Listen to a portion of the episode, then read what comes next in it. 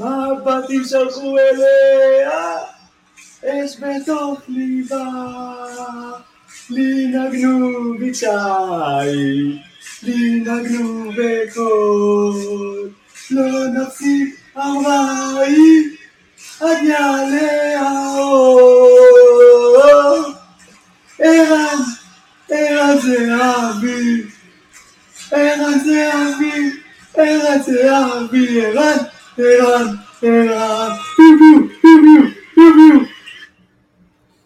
בוקר טוב, בוקר טוב.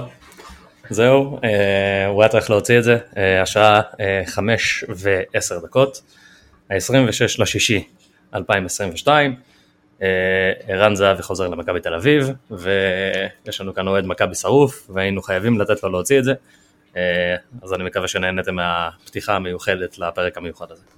כן, אני גם הבטחתי שאני כאילו אוציא את זה, וזהו, ועכשיו מדברים אה, עולמות אחרים. בוא נתחיל מזהבי, יודע מה? בוא נתחיל מזהבי, אחי, כי היה פה קטע מעניין דווקא, כי אם אתה מסתכל, כאילו, הפיד שלי בטוויטר זה אחד הדברים הכי מוזרים שנתקלתי בהם, כי ערן זהבי עבר למכבי תל אביב, חזר למכבי תל אביב. מבחינת סורר זה אסון, ומבחינת אוהדי מכבי זה כאילו, וואו, אימא'לה מה קרה פה. אה, והגיוון בפיד שלי של כאילו פיד של סורר והתגובות בסורר למעבר הזה לעומת התגובות של אוהדי מכבי זה הדבר הכי מצחיק בעולם, זה כאילו היפוך מוחלט. כי עכשיו הוא לא מקבל נקודות. אז נכון. כאילו, עכשיו הוא לא מקבל נקודות והוא קלף לא מת. רלוונטי יותר. הוא קלף מת. אתם וואו. באירופה, אתם כן באירופה, נכון? אה, נכון. נכון. אז בקורנפלקס, כאילו במוקדמות. סבבה, אז במוקדמות של הקורנפלקס הוא כן יקבל, אה, הוא כן יקבל עליהם נקודות, אבל על הליגה, הליגת העל, הליגה הישראלית הוא לא מקבל נקודות. וואה, אז כן. זה משמעותי למחזיקי ערן. המחיר שלו התרסק. כאילו זהו, האחרון שנמכר נמכר ב-0.006 ולפני יום הוא נמכר ב-0.2, 0.02 סליחה. וואה. כן, אז אה, כן, ריסוקים באוויר. כן, ריסוק באותו רגע, ברגע של ההכרזה כאילו ריסוק מטורף. אה, כאילו מה זה ריסוק מטורף? מבחינת אחוזים, כן, מבחינת כסף, כאילו דולר זה לא כזה בשמיים, זה מ-30 דולר ל-7 או משהו כזה, כאילו. לא big deal, אבל כן, כן. שטויות. תן לי כן. הנמכה קטנה שלי אצלך. הונמכת אחי, הונמכת, בסדר? בסדר גמור. אה, בסדר גמור. הגענו לחלק המעניין אחי. כן, זה פרק. אה, סוף עונה, אסטרטגיה, לא? אסטרטגיה. לא, יהיה לנו עוד פרק אחד כזה של סיכום, שאלות כזה, אם יהיו. מחילה, מחילה. אה, למרות שבשבוע הבא אנחנו אמורים לקבל את הפנטזי חזרה, אז כאילו זה יהיה איזה סוג של בטח איזה פוד מאוד מוזר כזה, שזה יהיה סיכום וכזה, סיכום, כאילו בטח אנחנו נדבר על שניהם, סיכום. והתחלה. כן, זה יהיה איזה סוג של משהו, משהו כזה. אולי נדבר על העברות, זה יהיה סבבה, כי זה לא פוד שלם כן. וזה כאילו זה, אז אולי נדבר קצת על העברות, על, נכון, על מה שכן כבר יפה. הוכרז לפחות. יפה. אמ, אז כן, עדכון קצר של שוק, כי היה שאלות ב... בנושא הזה באופן כללי. אה, אנחנו רואים את, אה, את כל השוק סוג של עולה, אפשר להגיד בערך. אה, איתרם יושב על 1,200 עכשיו, הוא כבר היה איזה, היה כבר איזה פאמפ גדול היום שכבר שם אותו ב-1270, עכשיו זה חזרה ל-1230. אה, השאלה הגדולה ביותר, האם הבוטום is in, האם מצאנו את הבוטום. שוב, כל הדברים האלה לא יצא כלכלית לכלום, אנחנו פשוט מעדכנים על מה שאנחנו יודעים ואיך שאנחנו רואים את הדברים. אה, אנחנו מספיק קרובים לבוטום לדעתי בשביל לקנות בלי קשר, אני לא, אני לא חושב שזה משהו שצריך להטריח, אה, להטריד יותר מדי אה, אנשים, למרות שכן יכולה להיות מפה ירידה די משמעותית, שאני, אם אני פייר אני מאמין שתקרה. יש שני קטליסטים גדולים לשים לב אליהם, הראשון זה ב-1 ביולי, השני זה ב-30 ביולי. 30 ביולי כנראה שנוכרז שיש מיתון באופן רשמי, אה, בראשון ביולי זה יהיה כזה סוג של, בוא נגיד, ציפיות מחודשות, כי כרגע, כרגע התמחור של השוק זה בין 3.8 ל-4.2 נקודות מבחינת העלאת ריביות, אם זה לא אומר לכם יותר מדי, אז כל מה שאתם צריכים לדעת זה שככל שהמספר הזה יותר גבוה, זה יותר רע לשוק, זה הדבר היחיד. אה, ויש סיכוי כביכול, לפי מה שהשוק מתמחר, של 68% למיתון. הרבה מאוד כלכלנים שמבינים דבר או שניים, יותר שמים את הנתונים האלה על 90% או 85% למיתון, וכנראה שזה יהיה יותר באזור של 5.2 מאשר 3.8, 4.2. אה, אז השוק כרגע מתמחר משהו שהוא לא כביכול כל כך הגיוני. מבחינת איך שאנשים אחרים רואים את זה, אז זה אומר שאולי זה סביר להניח את זה שיהיה לנו עוד איזה leg down בימים הקרובים, ובגלל שאנחנו מדברים אה, על אסטרטגיה ב pod הזה, אז בואו נדבר על איך אפשר לנצל את זה. בשביל זה, בשביל זה אנחנו כאן. ככה, אה, בואו בוא נפתח את העניין הזה ככה. אה, ל Sorare חייבים אסטרטגיה. כאילו ב fantasy Premier ודברים כאלה אנחנו רצים, כאילו הכל טוב, אתה משנה קצת אסטרטגיה, כאילו לכל אחד יש את האסטרטגיות שלו, אני לא לוקח מינוס עם זה, אני, אני לא עושה את זה, אבל זה דברים שהם יותר זורמים כאלה. אה, ב Sorare גם יש אופציה להיות הרבה יותר גמישים, כי בשורה התחתונה זה בידיים שלכם, אין דדליין, יש לכם כמה העברות שאתם רוצים, כי זה תלוי בכסף שאתם מוצאים ושמים, זה לא, אף אחד לא שולט לכם על זה. אמ, אבל צריך, צריכים לדבוק לאסטר... לתוך אסטרטגיה אחת או שתיים, אפשר לנגן על שתי אסטרטגיות בו זמנית, אבל בואו בוא נדבר על מה זה בדיוק אומר. יש שתי, אה, שתי אסטרטגיות כלליות, נגיד את זה ככה. הראשונה זה אני משחק את השוק, יש לי את הגלריה שלי, אני מכניס את השחקנים שיש לי כרגע, ואני מנסה להרוויח על שחקנים בשוק החופשי. אני מנסה לקנות בזול, אני מנסה למכור ביקר יותר, זה הכל, לא אכפת לי מהשאר. הצד השני זה אני משחק אשכרת הליגות, אני משחק את הצד של הפנטזי. אני מנסה לבנות את הקבוצות הכי טובות שיש בשביל לזכות בכמה שיותר פרסים, אני לא מוכר בהכרח את השחקנים הכי טובים שלי, או שחקנים בכלל, אני רק מנסה לחזק את, ה, את החמישיות שאני מעלה. אה, זה שני דברים שיכולים להתקיים ביחד, אבל בשביל שזה יתקיים ביחד, כן צריכים אה, לשים איזה סוג של, אה, איזה סוג של חוקים לעצמכם. כי מאוד קל uh, לסטות וברגע שאתה סוטה אתה עושה טעויות. אז אם אתם בעניין של לעשות גם וגם, uh, תתקצבו לכם, זה מה שאני הייתי ממליץ, תתקצב לעצמך כזה, אתה יודע, שמתי לעצמי עכשיו 500 דולר לשחק איתם בשוק, ושמתי לעצמי עכשיו 1,000 דולר בשביל לבנות uh, קבוצה חזקה, נגיד, סבבה? נשמע הגיוני? כן. בואו נדבר ה... בוא נדבר על השוק, שעכשיו אנחנו מתקשר למה שאמרנו בהתחלה. דיברנו על זה שיש קורולציה, מתי שמחירים של איתר נוחתים, אז המחירים של קלפים סוג של, מת... בוא נגיד איזה מתאזנים לכיוון של, לכיוון הדולר. זה אומר שאם אנחנו ניקח עכשיו שחקן שעולה חצי איתר, בשער של 1200, מה שאומר שהוא שווה 600 דולר, ואז איתר ייפול ל-800 דולר, סביר מאוד להניח שהוא יעלה יותר איתר. הגיוני לנו סך הכל, נכון? נכון. אז אם אנחנו לוקחים בחשבון שבחודש הקרוב, בחודש יולי, צפויות להיות כנראה ירידות מחיר בכל השווקים באופן כללי, כי החדשות שאנחנו אמורים לקבל הן לא בהכרח טובות, אז זה סימן שיש לנו אולי הזדמנות לא רעה בכלל לקנות איזה שחקן או שניים ואז למכור אותו בעוד חודש. הגיוני, כי בשורה התחתונה אם יש לנו היטר יכול להיות שזה לא יתאזן ב, כאילו במלוא הכסף ל, לרמה שזה עוד פעם יהיה שווה 600 דולר באיתר, אלא יהיה שווה 550 דולר באיתר, או 500 דולר באיתר או whatever, אבל אם יש לכם כבר את האיתריום הזה יושב, אולי רצוי להשקיע אותו עכשיו. בטח שאנחנו גם מגיעים לעוד קטליסט אחר, שזה אומר שעוד מעט מתחילה העונה, ועוד מעט שחקנים מתחילים עוד פעם לקבל נקודות, השחקנים האירופאים. אז בוא ניקח, אה, אני אהיה פייר, אני אגיד מה שאני ככל הנראה עושה עכשיו. עוד לא עשיתי את זה, עוד לא, עוד לא לחצתי על ההדק, אבל זה, אני, אני קרוב, בוא נגיד את זה ככה. אני מחכה לוונדבורט, סבבה? אני רוצה את וונדבורט של העונה החדשה. זה מה שבא לי. וונדבורט זה השוער של גנג. איווה. אה, כרגע הוא יושב על 0.36 איתריום. המחיר הזה מבחינת איתריום, מבחינתי לפחות הוא חולני לגמרי, זה מחיר לא, לא שפוי, אבל איתריום גם במחיר לא שפוי עכשיו. אה, אז אני אומר, אני מה שאני כנראה אעשה בגלל שאין לי המון, יש לי, יש לי איזה איטר בחוץ בערך, אבל אני גם משקיע ב-NFTs אחרים וכאילו דברים שלא קשורים לסורר, אה, אבל יש סיכוי די סביר שאני כן הולך לרכוש עכשיו איזה שני ונדבורטים או משהו כזה, ופשוט למכור אותם ברגע שהשוק ייפול. כי זה מבחינתי, זה, זה לא כסף שאני הולך להמיר חזרה לדולר, לא בזמן הקרוב, ואם הוא הולך להישאר באיטר ואני מצפה מאיטר ליפול, אז כבר עדיף לי לדחוף אותו לאיזה קלף. כי הסכום של האיטר יעלה בסופו של דבר, אני ארוויח יותר איטר. זה, זה התכנון בכללי, כן?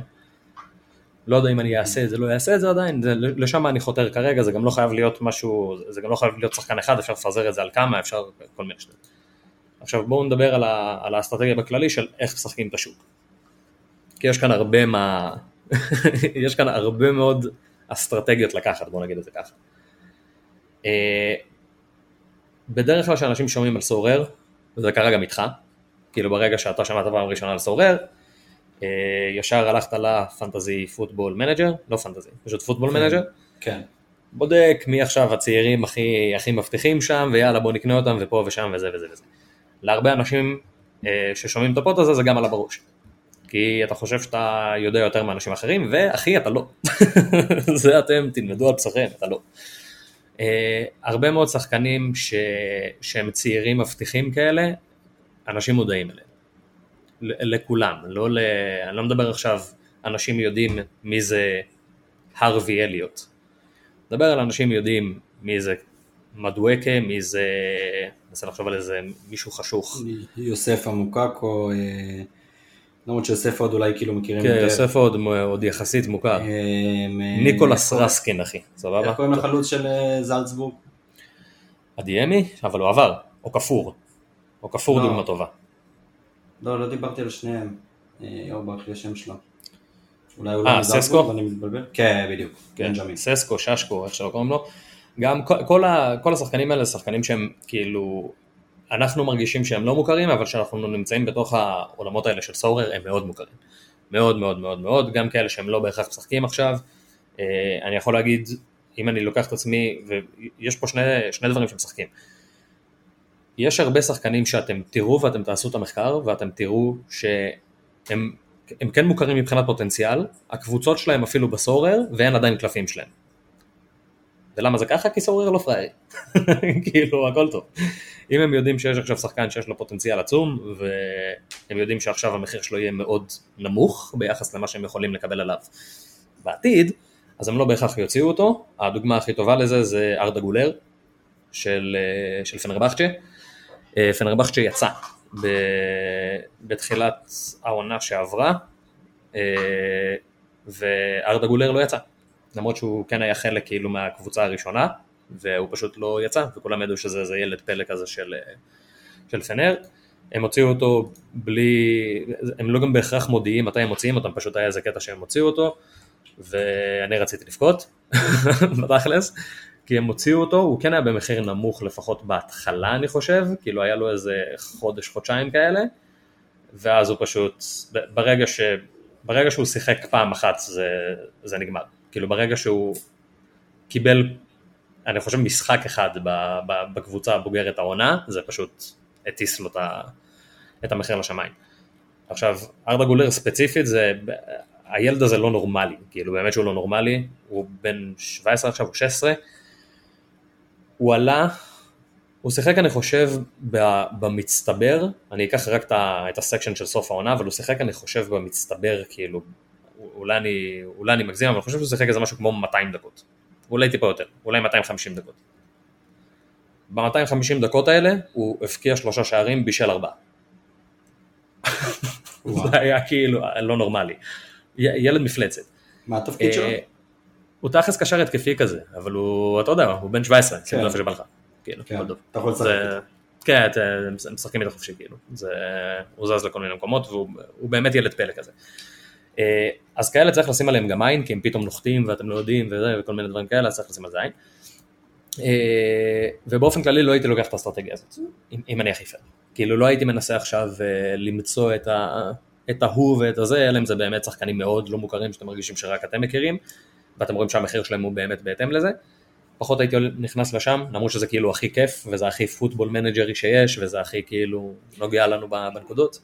כן, אני, אני, אני אגיד לך גם את- הצד שלי, כאילו, לדעתי למה לא, אתה בתוך זה, אז אתה ת- תגיד לי אם אני קצת טועה או שאני בכיוון. אה, זה משהו שלוקח המון זמן. כאילו ב manager אחלה, אתה לוחץ על הרווח ו- ואתה מגיע שלוש שנים קדימה. בדיוק. בשביל אה, שלא יודע, יוסופה מוקוקו עכשיו יהיה חלוץ מוביל בדורטמונד, לוקח כמה שנים. כן, וכאן זה, ופה זאת השאלה של איזה אסטרטגיה אתה לוקח וכמה אתה מתקצב לה. וכאן, לדעתי, כן, כמו שאני רואה את זה, אני לא אוהב את העניין הזה של לשחק גם את השוק וגם את ה-SO5. זה, ככה התחלתי את העונה אני. עשיתי את הפליפים כזה פה ושם, וגם שיחקתי את ה-SO5 שלי, זה יותר מדי בלאגן בראש. כאילו אם, אני לא, כל, אחד ו, ו, והזמן הפנוי שלו וכמה שהוא מוכן להשקיע ב, בתוך הדבר הזה. אבל זה הרבה מאוד לנהל, וזה גם, לפעמים מגיע לך כאילו סיטואציה עכשיו שהיא סיטואציה קשה, קנית עכשיו שחקן שהוא כביכול צעיר, מבטיח, אולי לא ברמה כאילו של באמת גולר וכאלה, אבל קנית עכשיו איזה שחקן צעיר ומבטיח, הוא פתאום נכנס להרכב, הוא פתאום מתחיל לשחק טוב, ואז אתה מוצא את עצמך בהחלטה. כי הנה עכשיו ארדה נתן רצף של איזה חמישה שישה משחקים שבכל אחד מהם הוא הבקיע או בישל, היה לו ממוצע של איזה 70 מהספסל. אני לא מדבר איתך כאילו בהרכב מהספסל, ממוצע של 70. עכשיו אתה נמצא בדילמה, אני מוכר אותו או לא. כן, עכשיו, אני מבין. יש כאן עניינים של snowball, ככל שאתה לוחץ יותר חזק על הגז, באסטרטגיה אחת, היא פשוט טובה יותר. כי אם אני אומר עכשיו, אוקיי, אני משחק רק את השוק, אני משחק נטו את השוק, סבבה? אז ברור לי שאני הולך למכור אותו עכשיו. נכון. זה ברור לי. עכשיו אני לוקח את הכסף הזה, ובסיטואציה כמו עם ארדה גולר כבר עשית x10, x20, כאילו עשית באמת, עשית סכום. לקחת את הכסף הזה ועכשיו אתה משקיע אותו בדברים אחרים. אם אתה משחק גם וגם ואתה לא סגור, אני מוכר אותו, לא מוכר אותו, אני מוכר אותו, לא מוכר אותו, ואין לך את השחקנים מסביבו, שכאילו יהיה הגיוני שיהיו סביבו, וגם באופן כללי הוא, הוא, לא, הוא לא אמין. הוא כן הפקיע המון ובישל המון מהספסל, אבל הוא לא אמין עכשיו. זה לא איזה מין מישהו שאתה יכול להכניס אותו עכשיו לקבוצה של אנדר 23 ולדעת שהוא יביא לך את ה-60-70 כל משחק. אתה לא באמת יכול לדעת את זה. אתה יכול לקוות. כי הוא לא בהכרח, אתה יודע, כי הוא לא בהכרח ישחק גם. אז פה אתה נמצא בדילמה שאיפשהו תוקעת אותך גם פה וגם פה. כי אין לך את הקבוצה, בגלל שאתה משחק את הפליפים, אין לך קבוצה מספיק טובה בשביל לעטוף את ארדה גולר בשחקנים מספיק טובים. ומהצד השני, אם אתה לא מוכר אותו, אין לך את הקפיטל ללכת ולהשקיע את הכסף הזה בהזדמנות יותר טובה, כי הוא כבר עשה את ה-X20, כאילו, לאיפה הוא כבר יגיע? כבר עשית את ה-X20, קח את הכסף ותשקיע בהזדמנויות יותר רלוונטיות. אז צריך לקבל החלטות. ואני אני רואה, את זה, אני רואה את זה ככה, לשחק את השוק זה הרבה יותר סזיפי, זה לוקח יותר זמן, כן אפשר, כל אחד יכול לעשות לעצמו איזה פרופיל של שחקן, יודע שהוא קונה את הפרופילים של השחקן האלה, אני עושה את זה אישית, אני כאילו, אני מחפש את השחקנים ש... כאילו עוד פעם, כל אחד לאסטרטגיה שלו, אני יותר משחק כרגע את ה-SO5, אני יותר משחק את העניינים של, ה... של הפנטזי, כי אני פשוט יותר נהנה מזה, דבר ראשון, ודבר שני, אני חושב שזה יותר, אה, ללונגרן זה יותר חכם לי. כי אני מעדיף לבנות גלריה, ושיהיה לי כאילו, אוקיי, אני רק מחזק בעוד שחקנים טובים, מאשר כל הזמן להתעסק בשוק ולנסות להרוויח עוד כסף ודברים כאלה, ואז פתאום אתה שם את הכסף על שחקן שלא בהכרח כאילו פגע ואתה צריך למכור אותו יחסית מהר, אני לא אוהב את זה. אה, כן אפשר לחלק את התקציב, חלק לכאן, חלק לכאן, ולעשות את שניהם, זה פשוט דורש הרבה מאוד זמן. זה, זה מה שאני, כאילו זה, זה הכוכבית פה. אפשר לעשות את שניהם, זה פשוט ייקח ממכם הרבה מאוד זמן וגם הרבה מאוד משמעת, שזה גם כן אה, חשוב. יש לך אבל נגיד אה, איזה שחקן שתיים כזה, כן. ש... ששמת בבוידם, שחכה שנתיים שלוש, נראה מה יהיה איתם. אמ, אני גם מגיע מכיוון של collectibles, יותר, מ, יותר מאנשים אחרים, כי אני, הניסיון הראשון שלי בהשקעות באופן כללי היה מקלפי ספורט. אתה יודע את זה, כי יש לי rookies של מסי ויש לי דברים כאלה, קלפים מדורגים. אה, זה מה שאני, ככה אני הגעתי לכל, ה, לכל הדברים האלה. אה, גם לסורר בין היתר אחר כך. אז אני מאוד נמשך לכיוון הזה, ובגלל זה יש לי שחקנים שהם חלקם קולקטיבלס. עכשיו אני אסביר למה אני מתכוון שאני אומר את זה. קולקטיבל זה יכול להיות הכול, ברמה העקרונית, כן? זה לא, זה לא בהכרח חייב, אין, אין עכשיו איזה... יש איזה סוג של חוקיות, בוא נגיד את זה ככה, אבל כמעט כל דבר יכול להיות, יכול להיות לו איזה ערך של collectible. שחקנים שהם rookies, שזה העונה הראשונה שהם יצאו, ושחקנים שיש להם ערך של אספנות, שזה הראשון. אני, יש לי את האחד מתוך אלף של צ'אבי סימונס. הקלף limited הראשון של צ'אבי סימונס אי פעם, שלי. לזה יש ערך מוסף. עכשיו, לא מעניין אותי שצ'אבי סימונס עכשיו לא משחק. גם לא מעניין אותי שבעונה הבאה הוא לא ישחק. גם לא אכפת לי שבעונה אחריה הוא כנראה לא בהכרח ישחק. הוא יקבל איזה מעבר, עכשיו יש דיבורים על, אה, על השאלה לאיינדובן, שאם זה יקרה זה יהיה מדהים, כי הוא פשוט יתפוס את המקום של גצב והוא ידפיס נקודות וזה יהיה אחלה, אבל אני לא באמת יודע אם זה יקרה או לא, וגם לא באמת אכפת לי. כי צ'אבי סימונס, אני בונה עליו שהוא יהיה דמות מספיק חשובה חמש שנים קדימה, שהערך של הקולקטיבל של זה שיש לי את האחד מתוך אלף שלו, את הקלף לימיטד הראשון שלו אי פעם, אז יהיה לזה ערך מוסף. אז אני אם אני כבר קונה את השחקנים האלה, אני אחפש את הערך המוסף הזה. עכשיו זה, יש פה כל מיני דברים, זה יכול להיות הקלף הראשון, זה יכול להיות קלף רוקי, כלומר עונה ראשונה, כאילו או סדרה ראשונה או עונה ראשונה, אה, זה יכול להיות, אה, ניקח את צ'אבי סימונס כדוגמה, הוא מספר 34, אז הקלף ה-34 של צ'אבי סימונס, שזה יהיה כאילו המספר של הקלף והמספר של החולצה שלו תואמים. הוא בן 18, אז קלף מספר 18. מבין? כאילו זה, זה דברים שהם קטנים, אבל לאספנים זה חשוב. זה, זה נשמע, אני יודע, אני יודע שזה נשמע מפגר לחלק מהאנשים, אבל זה חשוב. הגיל אבל זה רק לאותה שנה בעצם. כן. זה אומר שעכשיו בעונה הבאה יהיה צ'אבי סימונס שהוא בן 19, אז הקלף ה-19 שלו, יהיה לו טיפה ערך מוסף יותר, בקטנה. Mm-hmm. אם אנחנו מדברים על rookies וכאלה זה מאוד חשוב, כאילו באמת כן. מאוד חשוב. אם אנחנו מסתכלים כאילו עכשיו על, לא יודע מה, אחד מתוך מאה הראשונים של רונלדו, וואו. כאילו אם אנחנו לוקחים בחשבון שעכשיו Sorare תהפוך לאיזה מפלצת, משהו שכולם משחקים, שאין לה 120-130 אלף יוזרים, אלא יש לה 13 מיליון יוזרים, אז הקלף הראשון אי פעם של רונלדו בתוך הפלטפורמה הזאת, הוא קולקטיבל אחושרמוטה. כאילו, באמת אחושרמוטה, לא... מישהו ישלם כן. על זה הרבה. כן. וזה אפשר להיות בטוחים, וגם ככל שיש יותר אנשים זה, זה מרחיב את המעגל הזה, וכל העולם הזה של אספנות באופן כללי מדבר מאוד חזק עם NFT, בגלל זה לי זה היה מאוד קל לעשות את המעבר הזה. לי, תגיד, לי, לי זה הגיע משם. יש לי שאלה שעולה באמת קצת פחות קשור לנושא הזה, אבל שעלתה ממה שאמרת עכשיו. אם עכשיו, אה, סתם דוגמה, יש לי את קריסטיאנו והכל טוב ויפה והוא פורש, מה, מה, מה אני עושה עם הקלף הזה? ברמה העקרונית, השחקנים שפורשים, הם אמרו שהם יעשו איתם משהו בעתיד, הם לא פירטו עדיין מה בדיוק, אבל אנחנו יודעים כבר שיש קלפים של אגדות. Mm. אנחנו לא יודעים אם כל הקלפים, לצורך העניין, כל הקלפים שיש עכשיו של מסי, של רונלדו, אנחנו לא יודעים אם הם יהפכו אותם לקלפים של אגדות. יש גם קלפים של מאמנים בתוך הפלטפורמה, יש מרדונה בתור מאמן, כאילו קלפים בודדים ממש, הוא כרגע לא עושה כלום. מתישהו הוא יעשה משהו. אז זה עכשיו. הרבה מאוד ספקולציות על מה, על מה יקרה ומה, ומה הלו"ז עם זה, כרגע אף אחד לא יודע.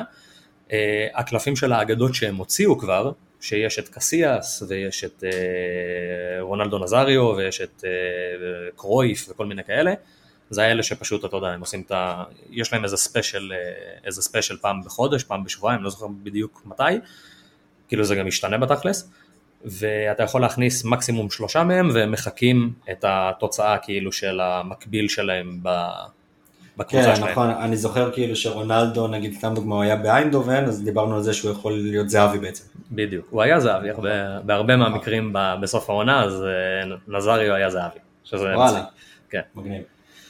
אה, אז כן, זה, זה החלק הזה. אנחנו לא יודעים אם הם יהפכו אותם לקלפים כאלה, כי זה יהיה קצת מוזר שמסי יהיה אגדה של פריז. קצת, כן. כאילו, אתה מבין, זה, זה יהיה קצת מוזר, זה גם יהיה קצת מוזר נכון. שרונלדו, הקלפים שיש של רונלדו כרגע הם קלפים של יובה. זה יהיה קצת מוזר אם זה יהיה קלפים של יובה. לא כל כך ברור מה, מה הם יעשו עם זה ואיך הם ישחקו עם זה, אבל מה שיפה בתוך בלוקצ'יין ובתוך NFT זה שאתה יכול להכניס מה שבא לך, מתי שבא לך, איך שבא לך. יכולים להוסיף כן. יוטיליטי מתי שבא לך. נכון.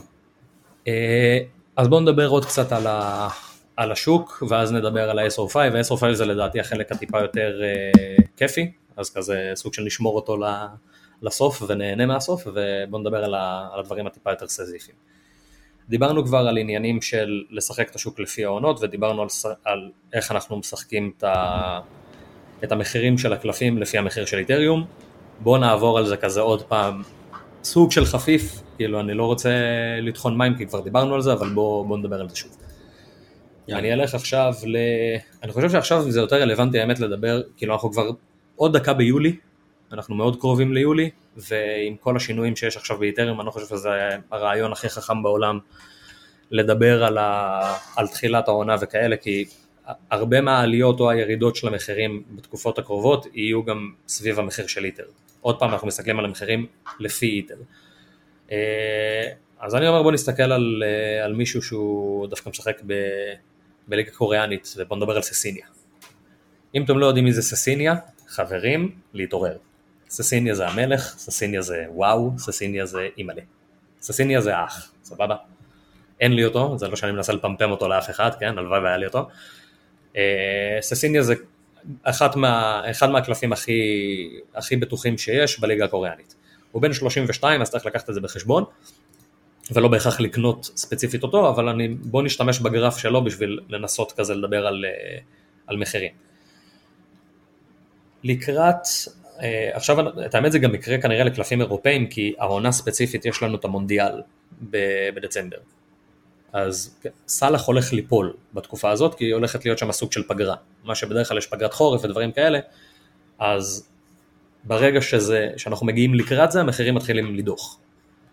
עכשיו, לדעתי, אני חושב שהמחירים באופן כללי הולכים להיות וולטיליים, המחירים בכללי וולטיליים, כן?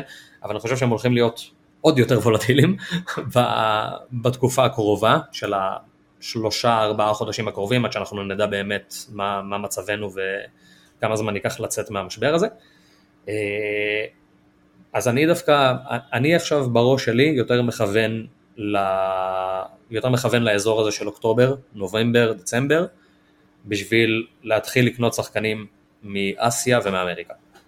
וכרגע כל מה שאני עושה זה סוג של מנסה לתת לעצמי איזה בנק סבבה כזה, שאני אוכל אחרי זה, בתקופה הזאת, לקנות שחקנים אה, מהליגות האלה, ולא בהכרח לקנות שחקנים אירופאים עכשיו. זה מה שאני אישית עושה, כי עוד פעם אנחנו ביולי. ואני בכל התקופה הזאת של הקריסות וכל הזה, סוג של ישבתי על הידיים, אמרתי אני רוצה לראות מה קורה. הגיוני? הגיוני. אז ככה. הליגות, ב... לא כולן, כן, אבל הרוב באסיה ואמריקה, הן הולכות לפי שנה קלנדרית. כאילו, הכי, הכי פשוט שיש, הן נגמרות בדצמבר. הן נגמרות אפילו לפני, אבל הן נגמרות פחות או יותר, ב... הן נגמרות אפילו בנובמבר בתכלס, אבל הן נגמרות לקראת סוף השנה ומתחילות לקראת תחילת השנה. מתחילות כזה בפברואר-ינואר, ונגמרות בנובמבר-דצמבר. כאילו, שם זה הפגרה שלהם, שם זה הפגרת קיץ, כאילו. אה, אז קורה מה שקורה בליגות האירופאיות, פשוט שזה פשוט זה קורה בתאריכים אחרים. זה אומר שמספטמבר, אוקטובר בערך, ואם תלכו עכשיו, אני ממליץ לכם מאוד מאוד לעשות את זה עם כמה וכמה גרפים, בעיקר של שחקנים מבוקשים, תלכו ותסתכלו על הגרפים, ותראו איפה הנפילות מגיעות. אני עכשיו על הגרף של ססיניה, ואני פשוט הולך לתאר את זה למי מאיתנו שלא פתח עכשיו את הגרף של ססיניה. אם אנחנו נלך ונסתכל על ספטמבר 2021, אנחנו נראה שססיניה היה, מצא את עצמו באיזה סוג של פיק לאותה תקופה של 0.2 מיטר, ויודע מה אני אפילו אעשה את זה בדולר, זה יותר נוח. מצא את עצמו בפיק של 500-600 דולר, ואז ככל שהתחלנו להתקדם, ככל שספטמבר הלך ונגמר, והגענו לנובמבר ולפה ולשם, המחיר שלו פשוט ירד לאיזה 170 דולר. נחתך בש... לשליש, פחות או יותר, מהפיק שלו. עכשיו מה שמצחיק זה שהוא הגיע לפיק ממש רגע לפני, שזה חשוב להבין. כי הם מגיעים לפיק, ואז ברגע שהם עוברים את הפיק והם מתחילים לרדת, הם לא עוצרים. זה ירד, ירד, ירד, ירד, ירד, ואז ימצא את הבוטום, ואז יתחיל לעלות חזרה. אז אם אנחנו נסתכל על נובמבר, נראה שהייתה לו איזו עלייה קטנה כזה לקראת, אה, לקראת סוף, סוף נובמבר, שהוא כבר עלה ל-240 דולר, עוד פעם ירד חזרה לאזור הזה של ה-200, ואז התחיל לרוץ מפחות או יותר אמצע דצמבר, עד שהגיע תחילת העונה, ששם הוא כבר חזר ל-760 דולר. עכשיו מה שאני אומר פה, אם לא נפתחו לכם העיניים עכשיו, אני לא יודע מה להגיד. זה הכי פשוט שיש. עונה נגמרת, אתה קונה את השחקן, אתה גם יכול להשתמש בו לאיזה, לכמה מחזורים אחרונים שיש, אתה מחכה לתחילת העונה ומוכר אותו באותו רגע. וזה. ואני יודע שזה נשמע פשוט ומטומטם, כי זה פשוט ומטומטם. זה הדרך. ככה משחקים את השוק הזה. אני לא הייתי ממליץ על שום פאקינג דרך אחרת, רק ככה. בן אדם נגיד שממש ממש ממש ממש ממש אין לו זמן. הוא יכול להתעסק כזה בפעם בשנה. אתה יכול להתעסק בזה, לא הייתי אומר פעם בשנה, הייתי אומר שש פעמים בשנה בערך, ואני אסביר למה. סוף אה, עונה, כאילו, אה, סוף עונה, תחילת סוף עונה, תחילת עונה פגרה. ועכשיו זה שני, זה שני שעונים הפוכים כאילו. בדיוק, יש לך את כן, אירופה כן. ויש לך את אסיה ואמריקה. אז יש לך בדיוק, שש נכון. מוקדים בשנה, אצלי אני יכול להגיד לכם הכי פייר בעולם, אצלי יש לי תאריכים שמסומנים לי ביומן, אני מקבל התראות עליהם. שההתראות האלה זה תתחיל לקנות, תמכור. זהו.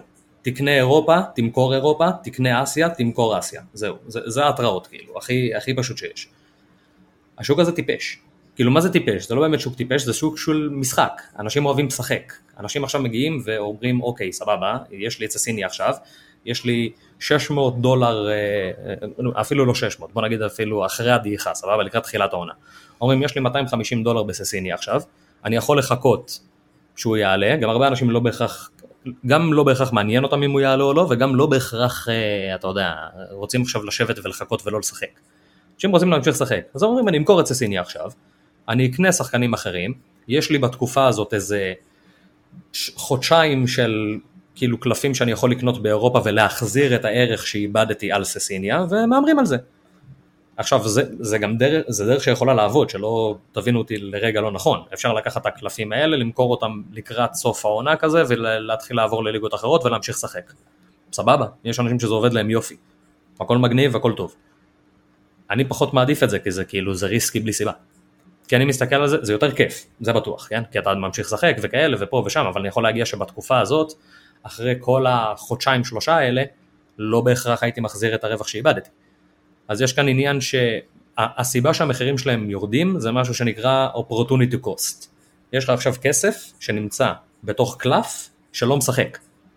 אז אתה מאבד פה value, כי הוא יושב פשוט על המדף והוא לא משחק. אז יש כאילו את ההיגיון בזה, יש את ההיגיון באוקיי, אני אמכור אותו ואני אשתמש בכסף הזה בשחקן אחר. זה לחלוטין הגיוני. אבל אם אתם רוצים פשוט לעשות כסף די בטוח, פשוט חכו, לפני שמתחילה העונה תמכרו אותו, שזה גם כן קשה, וכל מה שאני אומר עכשיו נשמע מאוד פשוט על הנייר, זה קשה מאוד מתי שאתה עושה את זה באמת. כי אני עכשיו, לצורך העניין, אנקונקו מעל חצי איטר. כאילו אני מבחינתי אני מסתכל על זה עכשיו, ואם אני הייתי מסתכל על עצמי מהצד, הייתי אומר לעצמי, תמכור את אנקונקו. זה מה שאני הייתי ממליץ לעצמי כרגע. אני לא רוצה לעשות זה אבל. אז זה כאילו, יש כאן עניין. יש כאן, יש כאן משהו לשחק איתו, זה לא, זה, זה לא בהכרח הכי פשוט בעולם, כי זה, זה מאוד קל להגיד תקנה בזול ואז אחרי זה תמכור אותו שהוא יגיע למחיר הזה והזה, אבל הוא מגיע למחיר הזה והזה רגע לפני שהוא באמת כבר מתחיל לשחק, ואז אתה אומר בואנה אבל אני יכול לשים אותו עם זה ועם זה ועם זה ולקבל נקודות. אז השיטה בשבילי, ופה אנחנו הולכים עכשיו לכיוון של בוא נעזוב רגע את ה, איך לשחק את השוק, כי כבר דיברנו על השוק לא מעט, למרות שאנחנו נחזור לשוק אחרי זה בכמה דברים, בואו נדבר שנייה על לשחק את הטורנירים עצמם.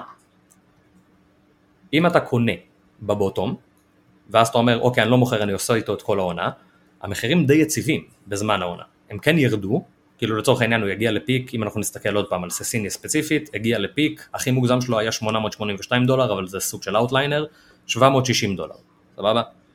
760 דולר עלה לך ססיניה לקראת תחילת העונה או במחזורים הראשונים של העונה. אם היית מוכר אותו פה, היית בטוב. אם אנחנו מסתכלים והיית מושך אותו עד אפריל בערך, אז המחירים שלו היו 500 דולר. אז זה אומר שהרווחת פה חודשיים בערך של משחקים והפסדת מבחינת הvalue שלו אזור של 200 דולר, שזה לא בשמיים. זה לא נוראי כאילו. והוא עדיין נשאר עד היום בתכלס, באזור של ה-500 דולר. אז זה לא באמת זה, זה כאילו אתה מרוויח עונה שלמה. כן. אז עכשיו זה, פה אתה אומר, אוקיי, אם אני מרוויח עכשיו, אם אנחנו נסתכל על זה מפברואר עד יוני, אם אתה לוקח עכשיו ארבעה חודשים של יוטיליטי ואתה משלם עליהם 200 דולר, סבבה. סביר מאוד שאתה תחזיר את זה, אם יש לך קבוצה טובה ואתה יודע איך לבנות קבוצה סביב ססיניה. כי אם אנחנו מדברים על 200 דולר, אחי זה טיר אחד טוב. כאילו טיר אחד טוב, סטאר סוגר לך את זה בוודאות. אז כאילו זה לא, זה, זה לא בשמיים לסגור את הפער הזה, בטח לא בארבעה חודשים, בטח לא אם אתה יודע לשחק. ובואו אנחנו נכנסים לחלק היותר כיפי לדעתי, ולדעתי הסיבה שהמשחק הזה כל כך מוצלח. ואולי פה רצוי שנדבר גם על, על פונזינומיקס, מה שנקרא, ועל על כל שיטות, ה, על כל שיטות הכביכול פירמידה. Uh, הרבה מאוד משחקים של קריפטו, למי שמכיר, למי שיודע, Axie Infinity ולא יודע מה, וקרבדה וכל מיני דברים כאלה, אה, השתמשו ב... במודל כלכלי שנקרא Ponzinomics. הוא נקרא Ponzinomics כי הוא לא עובד. מה זה אומר? זה אומר שקלף, או במקרה של Axie זה יצורים כאלה כמו פוקימונים כאלה, יהיו שווים כמה שהבן אדם האחרון יהיה מוכן לשלם עבורם והטוקן שלהם עולה לפי זה ופה ושם. עם Sorare זה עובד קצת אחרת. כי Sorare, הדבר הכמעט יחיד שמניע פה בתכלס את כל, השוק, את כל השוק הזה, זה זה שהמשחק fucking כיף. זה כאילו ה issue פה הכי, הכי גדול פה. אם אנחנו מסתכלים על שחקן כמו ססיניה ואתה אומר אוקיי מחיר שלו הגיע ל-730 דולר ללימיטד שזה מחירים הזויים לחלוטין. מי יהיה מוכן לשלם כאילו תחשוב לעצמך מי יהיה מוכן לשלם דבר כזה ואז אני לפחות הסתכלתי על זה ככה בהתחלה עד שהתחלתי לשחק. ואז אתה מבין שזה החוויית צפייה היא אחרת. כאילו אני נהניתי יותר ממשחקים של לייפציג העונה מכל משחק שראיתי של Fantasy Premier League. בפער. זה לא היה קרוב ל fucking כלום. גם כי יש לך חושב- יותר סיכויים, דבר אליי. אני חושב ש... ש... זה מה שהופך אולי גם את השוק לכזה אטרקטיבי, ש... שהמשחק כל כך כיף, כי בעצם זה הופך את זה גם ל... שיש לך הרבה דגים, יש לך הרבה דגים בשוק. מה קרה לך? לא יודע אחי, אני יודע מה איתה, היה לנו איזה ניתוק, אתה מדבר אליי. אתה עדיין מקליט, כן? כן כן, אני עדיין מקליט. אנחנו... אה. לא, לא, זה לא הפסיק לרגע, אין בעיה. פשוט הייתה פה כן, עוד כן, סבבה. דקת אה, דומייה, אז אנחנו הייתה. מתנצלים. הייתה פה איזה דקה דומייה? לא, בסדר, אנחנו נחתוך אותה, הכל טוב. למה? נו, עכשיו אני שמע דביל, עכשיו ישמעו אותי אומר דקת דומייה וכאילו לא הבינו על מה נדבר. בסדר, לא נורא, אווירה. אווירה. אה, אני אחזור רגע למה שאמרתי, אמרתי שאני חושב שזה ש... שהמשחק כל כך כיף, גורם לזה ש... שהשוק כל כך אטרקטיבי. כאילו יש לך בעצם הרבה דגים לאכול, כי הרבה אנשים עולים מכיף, מפאן. כן, יש הרבה מאוד אנשים שמשחקים לכיף ולא בהכרח מרוויחים, כן, וזה גם, אני אהיה גם פייר, זה גם לא רק זה. המשתמשים עולים ועולים, וברגע שמשתמשים עולים ועולים אז הביקוש עולה ועולה, ובשורה התחתונה הדבר הכי טוב שלדעתי סורר עשו, ואני לא יודע מה המודל שלהם מאחורי זה, הם שולטים בהיצע והביקוש ברמה מאוד מאוד מאוד טובה, מאוד. כאילו אם אנחנו נסתכל, גם מה שאני אומר פה יישמע קצת מוזר לאנשים כי הרגע אמרתי שססיני עשה x3 ואז נחתך בשליש בחצי שנה בערך וזה יישמע להם מוזר. אבל בעולמות של קריפטו גיימינג זה מדהים. לשמור את זה על level כזה על level שהוא לא ברמה של אוקיי זה עלה x100 ואז ירד לאחוז זה מדהים.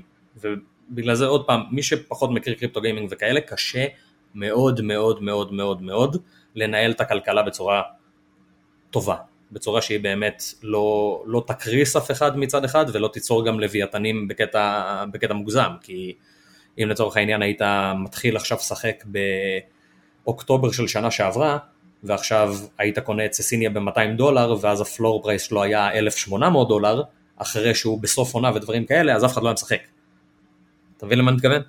כאילו, אז הם, ברמה העקרונית דיברנו על זה שיש אה, אחד מתוך אלף, נכון? שחקנים כאילו של, אה, של לימיטד, כביכול, כן? הם לא באמת הוציאו אלף. הם הוציאו בעונה הראשונה שיצאו הלימיטדים האלה, הם הוציאו אזור של 250-300 קלפים לכל אחד וזהו, ובזה סגרו את הבסטה. וחשוב להבין כמה כסף הם השאירו על השולחן שהם עשו את זה. כי כל המכירות הפומביות מגיעות כרווח לסורר, הם אלה שמוכרים את הקלפים בפעם הראשונה.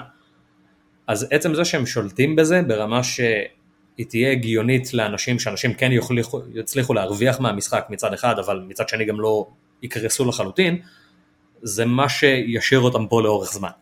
זה שהם לא הוציאו אלף בשנה הראשונה. כי אם הם היו מוציאים אלף בשנה הראשונה, כל הכלכלה פה הייתה קורסת. נכון. הכל היה קורס. נכון. והם גם לא- זה משאיר אותם עם שליטה מלאה, כאילו כמעט מלאה. אתה יודע, זה נראה- כמה משתנים, אבל... כמו שזה נראה זה אלגוריתם. זה, ככה זה נראה כי זה לא נראה כמו משהו ש... ש... שזה עכשיו אה, משהו שהוא, שהם עושים ידנית. זה נראה שככל שהיה אימוץ יותר גדול של סורר, שנכנסו יותר שחקנים לפלטפורמה, גם יצאו הרבה יותר קלפים. זה התחיל כאילו, אתה יודע, זה התחיל בטיפות, טיפות, היה איזה קטע שהם הגזימו ממש, שזה היה באזור של אוקטובר-נובמבר, ששם אני אהיה הכי פייר, שם עשיתי את רוב הרווח שלי. כאילו חיכיתי לזה.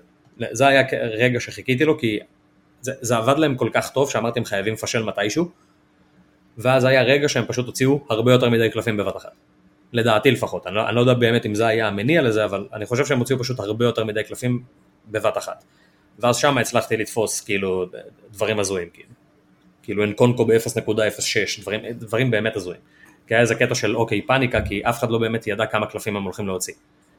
לא הייתה, לא הייתה מספיק שקיפות אז. ועכשיו אנחנו מבינים שזה כאילו, אוקיי, הם מוציאים קלפים ב... בהיגיון, ברמה ש... שהכל בסדר, הם שומרים על ה... הם פענחו את הנוסחה. וגם מי שיסתכל על גרפים ב... בוא נגיד את זה, בוא להסתכל על גרפים מ-2021 לעומת להסתכל על גרפים מ-2022, אם אנחנו מסתכלים על מחיר שהוא דולרי, אז אתם רואים שהמחירים שה... טיפה יותר, אה, יותר סבבה, כאילו אין שם איזה קריסות הזויות שלא קשורות לכלום, הכל באמת קשור לפגרת חורף, פגרת קיץ, כל הדברים האלה, כאילו מקומות שהמחירים אמורים לרדת בהם ולא סתם איזה נפילה מוזרה משום מקום. אז זה נראה שהם השתלטו על זה יפה. עכשיו מבחינת ה... ה... לשחק את הליגות עצמן, הליגות תחרותיות, סבבה? זה לא... אנחנו מדברים פה על כסף, כאילו, אנשים כל שבוע יכולים להרוויח פה סכומים יפים. ברגע שאנשים יכולים להרוויח סכומים יפים, אנשים מתאמצים גם יותר. כי זה לא, המשחק הזה גם עובד אחרת, הניקוד פה הוא לא ניקוד של אוקיי, הוא הבקיע אז הוא מקבל 5 נקודות, והוא שמר על שער נקי אז הוא מקבל 4 נקודות. זה יותר מורכב מזה. זה, זה יותר מסובך ויש הרבה מה, יש הרבה מה לחקור, בוא נגיד את זה ככה. אנשים מסתכלים על מצ'אפים ספציפיים, אנשים מחפשים איך באמת לעלות את הקבוצה הכי טובה שהם יכולים, וגם בגלל שזה עדיין פרויקט שהוא יחסית בחיתולים שלו, אין איזה אינדיקטורים, כאילו, אין איזה, כמו שאנחנו מסתכלים עכשיו, אנחנו ב Fantasy Premier League תמיד מעלים את ה-points prediction, מעלים עכשיו, אתה יודע, צפי נקודות של סאלח ושל קיין וכאלה, ואז הוא עוזר לנו לבחור את הקפטן הנכון, אין את זה פה. כי זה, זה, זה עוד לא קרה, אף אחד עוד לא עשה את זה. מה שכן זה בעבודה, אני יכול להגיד לכם כבר. זה בעבודה, זה בעבודה. אה, אבל כרגע אין את זה, וזה גם, זה, אנחנו, בואו נפתח את זה רגע, אנחנו מנסים לעשות את זה מאחורי הקלעים, לא מנסים, אנחנו מצליחים לעשות את זה, אבל זה, זה לוקח זמן לדייק את הדברים האלה, ועד שיצא מוצר שהוא באמת אמין, אה, ייקחו כמה חודשים טובים. וזה לא המוצר היחיד שצריך פה. אתה מבין? כי זה לא, זה לא רק זה, כי יש הרבה דברים. גם, ה, גם התחזיות של ההרכבים ודברים כאלה, כרגע זה לא טוב. זה, זה לא מספיק טוב. כאילו אין את ה... אתה צריך להסתמך על בערך שמונה מקורות שונים לכל ליגה ספציפית, וגם זה אתה צריך לעשות קרוסים, כאילו קשה מאוד לקבל את ההחלטה הנכונה פה. מאוד קשה. ובגלל זה, יש פרימיום מאוד גדול לשחקנים שהם ממש טובים, לשחקנים שהם סטארים, כמו, לא יודע מה, נאמר, מסי, אמבפה, כל פריס סן ג'רמן, פחות או יותר. ו, אה, ומהצד השני, גם קשה להפתיע, בוא נגיד את זה ככה, ולפעמים צריך להפתיע, כי דיברנו על כל העניין של הסטאקים, ואם אתה עולה עם אותה חמישייה של ביירן כמו בן אדם אחר, אז הבן אדם שיש לו את הכי הרבה EXP ינצח, אז יש גם מלחמות על ה-EXP, מתי שיוצאת, שיוצאים הקלפים החדשים של העונה, זה הרבה יותר מורכב מפנטזי פרמייר ליג, יש, יש הרבה דברים שצריך להקל בשביל להגיע לרמות הגבוהות באמת. אבל, קלפים זה נכס מניב, עם כמה שזה נשמע כאילו, ברמה העקרונית זה יביא לך איתריום רק אם תסיים בפודיום ודברים כאלה, או שתשחק את הגלובל אולסטארר, ואז תזכה פשוט באיתריום מה, מהפרשולד, אה, אבל קלפים זה נכס מניב.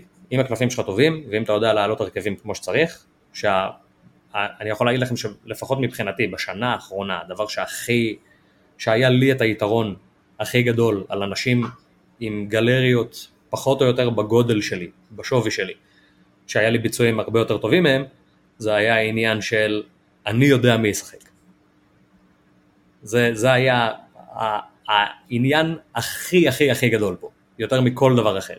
זה לא עניין של מצ'אפים, זה לא עניין של, זה פשוט עניין של לבוא ולחפור עכשיו לפני כל מחזור בכמה מקורות שונים, לנסות להצליב, ושהסיכויי ההצלחה שלך עם שחקנים שאשכרה הולכים לפתוח יהיו גבוהים. עכשיו הדדליין, ב... הדדליין בסורר הוא בשישי ובשלישי. זה אומר שאם יש לכם שחקן שמשחק עכשיו ביום שני, נסגר לכם הדדליין בשישי, אם הוא נפצע בין לבין אכלתם אותה, זה כאילו אין לך מה לעשות. אז יש כאן עוד איזה אלמנט כזה של מזל שאי אפשר כל כך לשלוט בו, אה, אבל נראה אולי, זה, אולי הם ישנו את זה בעתיד למרות שלא נראה. אה, מבחינת המלצות על, ה, על איך לשחק ובאמת ברמה ש, שתצליחו להרוויח ו, ולהתקדם, אז הייתי אומר דבר ראשון, אה, להתמחות בטורניר ספציפי, כאילו כשאני מדבר על טורניר ספציפי, אני אומר לא הייתי הולך ל... לא הייתי הולך לצ'מפיון, שזה החמש ליגות הבכירות, כי הצ'מפיון בדרך כלל כולל את כל האם בפה, ואת כל הנאמרים, ואת כל המסים, ואת כל אלה, הם שם לרוב, הם בפה לפעמים גם באנדר 23, אבל הרוב הולכים לשם, וזה שחקנים שפשוט מדפיסים נקודות כל הזמן. וקשה מאוד מאוד מאוד להתחרות עם זה, אלא אם אתה מעמיד קבוצה כזו. Challenger, לעומת זאת, במיוחד עכשיו שאייקס אכלה פצצות מכל כיוון, ו... וכאילו אולי סלטיק זה כנראה, סלטיק מרגישה כמו הקבוצה הכי חזקה לעונה הבאה ב Challenger, יש שם הרבה יותר מרווח, כי גם יש שם הרבה יותר ליגות, הרבה יותר ליגות. ואתה יכול איפשהו לעשות לך מיקס של כל מיני שחקנים לא מוכרים ולתפוס כזה, להיות בעין על, ה, על הליגה הבלגית ולתפוס שם איזה מישהו באיזה שינוי עמדה לפני כולם ו, ולהתחיל לרוץ. שם זה הרבה יותר קל לעשות את זה כי גם המחירים יותר נמוכים. גם לשחקנים הממש טובים וגם לשחקנים הכמעט ממש טובים, שיכולים להיות ממש טובים. אז אני הייתי ממליץ יותר לקחת את הזווית הזאת, ובאופן כללי צריך איפשהו לעקוב אחרי הפרסים.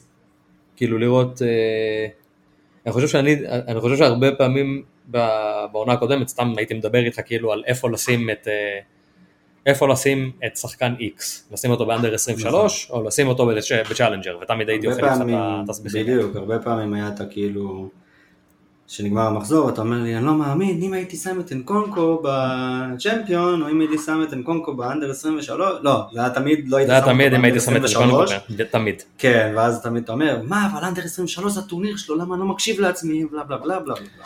כן, ופה, כל השיחות האלה היו שפחות היה לי מושג מה אני עושה. אמיתי, כאילו באמת, בשיא הכנות. מי, אני חושב שמינואר בערך, ברגע שכאילו התחברתי לכמה כמה חשבונות טוויטר אה, שיודעים מה הם עושים, אה, אז הלכתי תמיד לאיפה שיש לי את הסיכויים הכי טובים. שזה ברגע שיש לכם גלריה גדולה, ואתם אומרים אוקיי, אני יכול להעמיד קבוצה ממש טובה כאן, עם השלושה שחקנים האלה, וקבוצה ממש טובה כאן עם השלושה שחקנים האלה, ויש לי שני שחקנים שאני יכול לשים אותם או כאן, או כאן. ואז אני צריך להחליט כביכול איפה הסיכויים היותר טובים שלי. אז אני הייתי מסתכל על זה תמיד ב... תמיד לפי היחס, כאילו הייתי מסתכל עכשיו לצורך העניין יש, אה, יש 2,000 קבוצות רשומות לטורניר של under 23 ויש 200 קלפים שהולכים לצאת. אז יש יחס של 1 ל-10, הטופ 10% יזכה במשהו, סיכוי סבבה. אחרי זה הייתי מסתכל על ה Challenger ורואה שיש שם 21 אלף קבוצות על 200 קלפים, אז אני אומר אוקיי, היחס שם פחות טוב, אני אלך לשם. הייתי מסתכל על זה ככה, שזה דרך לא רעה להסתכל על זה, היא פשוט לא שלמה מספיק. אם אנחנו מסתכלים על קבוצה שאתם אומרים אוקיי הקבוצה הזאת הולכת כנראה להביא לי מספיק נקודות בשביל לסיים ככה או ככה בתוך הפרסים, בטופ 10%, כבר עדיף ללכת ולהסתכל על הפרסים ולבדוק מה באמת מציעים. כי אם עכשיו יש את ה prize pool בכל, אה, בכל מחזור, לא בדיוק מה תקבל, אלא פשוט מה, פחות או יותר מה יכול לצאת. אם אמבפה נמצא ב under 23 והלנד נמצא ב under 23 ואנקונקו נמצא ב under 23. עכשיו הוא כבר לא יהיה ב under 23 כבן 24, אבל נכון לשנה שעברה. לעומת טאדיץ', שהוא טוב והכל טוב, אבל כאילו הוא נמצא באנדר 23, הוא פשוט פחות טוב מהם. אה, ולא יודע מה, קלרקסון וכל מיני כאלה, אז אתה, אתה פחות הולך לשם. אתה הולך לאיפה שאוקיי, ה-value שלי יותר, אם אני אסיים כאן מקום 50 ואני אסיים כאן מקום 52, עדיין עדיף לי לקחת את המקום 52 כאן מאשר לקחת את המקום 50 כאן. ועונה שעברה, אנדר 23 היה המלך. זה, זה היה נכון לעונה שעברה. האם זה ימשיך ככה? אין לי שמץ של מושג. אני יודע שצ'מפיון היה נוראי, היה מזעזע לשחק בו, זה היה סבל מוחלט, כי היית מביא 370 נקודות מקבוצה, והיית מקבל טיר 3. וזה לא כיף. אז אני בצ'מפיון לא משחק, למרות שכאילו כל מי שמאזין לנו כרגע זה הטורניר הכי כיפי. זה, זה הטורניר ש... עם השחקנים שכולנו מכירים וזה הכי כיף, אבל הוא לא מתגמל בגרם. אז כאילו, אז אני לא, לא, לא ראיתי סיבה לשחק בו ותמיד הייתי מאמין שם איזה קבוצה מתה ואם במקרה הם היו לוקחים tier שלוש, סבבה. אה, הייתי מתמקד ב under 23 והתמקדתי ב Challenger עד שיצא specialist, שזה היה כאילו ה... ו specialist זה, זה חיה קצת אחרת, אפשר לתכנן ספציפית למחזורים, כבר דיברנו על ה specialist, אבל אה, זה גם דורש גלריה יותר גדולה. אז כאילו, אז כן. אני הייתי אומר בהחלטות שלכם, תעקבו אחרי הפרסים. איפה שהפרסים יותר הגיוניים, ללכת לשם. גם מבחינת היחס, כאילו ה-payout, כמה אנשים הולכים באמת לצאת עם משהו, ומה הפרסים ש... שמציעים לכם באותו שבוע. מקובל? קיבלנו. מקובל. עכשיו, זה, ה... זה הרגע שאנחנו, זה הרגע של, של הפצרות אחי. דיברנו על זה, ואני הולך לדבר על זה עוד פעם, כי זה הכי חשוב שיש. באמת הכי חשוב שיש. הקבוצה הכי טובה ראשונה. לא משנה מה אתם עושים, לא משנה מי, לא משנה מה, מה אתם חושבים שיותר הגיוני ולמה אתם חושבים שעכשיו אוקיי אני עדיף לי לשחק את ה... אה, לשחק בשלושה טורנירים במקום שתיים כי אני רוצה לפזר את הסיכויים שלי, לא. אם יש לכם קבוצה שהיא טובה, אתם קודם כל, לפני הכל, לפני שאתם עושים את כל ההרכבים האחרים שלכם, ואני כבר מדבר פה על גלריות יותר גדולות כי אני יודע איך זה עובד, אתה מתחיל בגלריה שמשחקת על טורניר אחד, אחרי זה מהר מאוד אתה עובר לשניים ושלוש וארבע וחמש ואתה נמצא פתאום באיזה שבע טורנירים. תמיד להרכיב קודם כל את הקבוצה הכי חזקה שלכם. לא להסתכל מה אני צריך ב under 23 כאן ואולי פה ואולי זה, לא להסתכל על זה, פשוט להרכיב את הקבוצה הכי חזקה שלכם לטורניר שנראה לכם שהוא הכי חזק, לטורניר שאתם גם אמורים להתמקד בו. כי אם אתם מתמקדים עכשיו בטורניר של Challenger, אז רוב הגלריה שלכם אמורה להיות Challenger. ואם אתם מתמקדים עכשיו ב under 23, אז רוב הגלריה שלכם צריכה להיות under 23. זה אמור להיות ככה. זה לא... אתם, לא- להגיד אני מתמקד ב under 23 ורוב הגלריה שלי בכלל אה, מעל גיל 26, זה לא עובד. אתם צריכים הרבה אופציות, כי זאת הדרך. כאילו, הדרך, אלא אם יש לכם, אלא אם אתם עכשיו אומרים אני זורק 20 אה, אלף דולר וקונה את הקבוצות הכי טובות, שזה משהו אחר. אה, אבל אם אתם רוצים לנצח את כל, ה... את כל הקבוצות הממש חזקות, את כל הטרנטים ואת כל האמבפה ואת. ואת כל הדברים האלה, אתם חייבים להילחם איתם עם רוסטר יותר רחב. כי אם נסתכל על זה על, על רצף של עשרה משחקים, אף חלוץ אנדר 23 לא יעבור את אמבפה. אף אחד. אבל אם אנחנו נסתכל על זה על משחק אחד ספציפית, יש מצב שמישהו יעבור את אמבפה, כי יש לו משחק ממש טוב. אבל בשביל שיהיה לכם את השחקן הזה, אתם צריכים שיהיה לכם עוד 4 או 5 אופציות אחרות, למקרים שהוא לא השחקן הזה באותו שבוע. וזה יותר סזיפי אמנם, אבל זה גם יותר מתגמל, זה יותר כיפי, אה, וגם יש פציעות בסורר, ואם אתם מסתמכים על סגל אה, קצר מדי זה, זה יכול להיות בעיה, בטח אם אתם מתמקדים בלקבל פרסים מטורנירים ולא, ולא מלעשות פליפים. אה, וכן, ככל שאתם, זה, זה אפקט הסנואובול, ככל שאתם עושים את הבחירות היותר נכונות ואתם מקבלים, ואתם מסיימים באמת במיקומים יותר חזקים, אתם מקבלים פרסים יותר חזקים שאמורים לגלגל אתכם חזרה, לקבל, לסיים במקומות יותר חזקים. כאילו זה, זה אמור להיות פה אפקט של snowball, זה צריך להיות. אה, ואם אתם לא נמצאים שם, אתם עושים משהו לא נכון. וזה, אין, אין דרך אחרת להגדיל את זה. עכשיו, שני ה... לא משנה איזה, איזה טקטיקה תבחרו, שתיהן אה, קשות. שתיהן, שתיהן ידרשו זמן ואין פה כסף חינם, זה לא כזה. אלא אם אתם באמת עושים כאילו נטו העברות של, אה, העברות של, אה, של סוף עונה ותחילת עונה ודברים כאלה, שזה סבבה, זה קליל, זה פשוט לא, לא לשם זה אנחנו עושים את הפוד. אנחנו עושים את זה למי ש, שרוצה להיות טיפה יותר אה, אקטיבי. אז צריך גם לבוא, לבוא מוכנים, להשקיע כמה, כמה שעות יפות בשבוע, ו... אני אישית מאוד נהנה מזה, אז כאילו אין לי בעיה לעשות את, ה, את הכמה שעות האלה, כי זה כיף לי. וזה אמור להיות לכם כיף, כי זה, זה חוויה אחרת. דבר אליי אחי, מה אתה אומר אחי? תשמע, אני מרגיש כמו תלמיד מחונן, שיושב ומקשיב למורה. אני מרגיש כאילו אני ביבי אחי. אלוהים ישמור אחי, הגרון שלי גמור. כמה כן, אני, אני, אני התפלאתי איך לא לקחת פה איזה שלוק מים באמצע. טעות גדולה, עכשיו לקחתי, אבל וואו, טעות גדולה, תשמע, זה היה, כאילו כל ה pod הזה, כל ה pod הזה זה היה pod של uh, חמישה בקבוקי מים. אבל זה טוב, כי כאילו פשוט היינו, זה טוב שהקלטנו את זה. כאילו את כל, ה, את כל ה section הזה, כי עכשיו זה פשוט standalone וזהו, כאילו, יש לנו את ה pod האחרון שיהיה ב... בשבוע הבא, שנדבר על שאלות ונעשה איזה סוג של סיכום כזה ו... וכל מיני דברים כאלה, ואולי גם נתחיל לדבר פאזי, אולי, אולי, אולי, אולי נתחיל לדבר על העונה החדשה. אולי, תשמע, אולי תשמעו קצת את הקול שלי יותר. כן, אה? שיהיה איזה. לא, אבל ידענו שזה הולך להיות ככה, תכלס. לא, ידענו. ברור, ברור. זה אל. תדאגו, אני מבטיח לכם שאחרי כל הדקות פה שהייתי צריך לשבת ויותר להקשיב, אני אני אצמצם פערים, שזה ידובר בפנטזי. בא לריב, אני סתם אשב כאן אחי ואגזור ציפורניים אחי, אווירה. בקיצור, אה, אני מנסה לראות אם יש איזה משהו ש... שלא עברנו ו... אני לא יודע אם להזכיר את זה או לא כי זה מסוכן, אבל אני אזכיר את זה כי עכשיו עשיתי טיזר ואז אם אני לא אגיד את זה אז... אה, כן, יש זה עניין לא של... נכון, אה, צריך לספר. כן. וואו וואו, מה זה אחי? כן, שופר? זה היה- כן, זה היה אופנוע רציני. זה השופר אחי. אה, בוא נדבר על scalping. מי שלא יודע מה זה scalping, scalping בשורה התחתונה זה, בוא נגיד את זה ככה, זה, ב Sorare זה לא באמת scalping, אבל נקרא לזה scalping. אה, זה פחות או יותר סווינג טריידים של זמן מאוד מאוד קצר. כאילו אני קונה שחקן ואז אני מוכר אותו אחרי כמה דקות, או אחרי חצי שעה או אחרי שעה. יש דרך לעשות את זה. בשביל זה אתם צריכים להיות מאוד מעורבים, מאוד, אבל יש, יש כסף לעשות כאן. ואני יכול להגיד שיש לא מעט אנשים שמשתמשים באסטרטגיה הזאת וזה עובד להם, אז אני אזכיר אותה למרות שאני אישית לא משתמש בה, אה, זה, זה מרגיש לי קצת, אה, קצת too much, אבל אזכיר אותה כי למה לא. אה, הדבר הכי חשוב ב- בסורר, כאילו מבחינת עמדות, זה השוער. יש שוער אחד, אם הוא נפצע, יהיה שוער אחר. וההבדלים בין המחיר של השוער השני לשוער הראשון הם עצומים.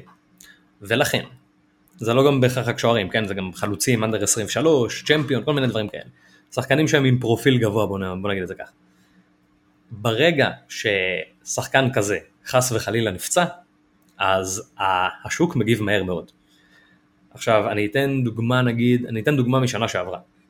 אה, היה לי שוער שנפצע, שוער של פנר, שנפצע, אני חושב שתוך, הוא ירד על אלונקה, סבבה? הוא נפצע כזה, כאילו אני, אני אסביר טיפה יותר לעומק, הוא שמט את הכדור, כאילו בעטו לעברו, הוא שמט כזה סוג של את הכדור, עצירה לא טובה כזאת. אה, אחרי זה ניסה לעצור את הכדור השני, לא כל כך הצליח, נפל על הירך וזה, התחיל לבכות, כל מיני כאלה, אה, הורידו אותו באלונקה. עכשיו הם הבקיעו מה, מהריבאונד, אז פנר ספגה מכל הסיטואציה הזאת, אה, והוא ירד. אני ראיתי את זה כאילו ממש, כאילו פתאום ראיתי ב live כי עקבתי אחרי המשחק ב SorareData, ופתאום אני מסתכל ואני רואה שיש לו סימן כזה של, אה, של צלב כזה כאילו הוא נפצע. מהותי, מאוד.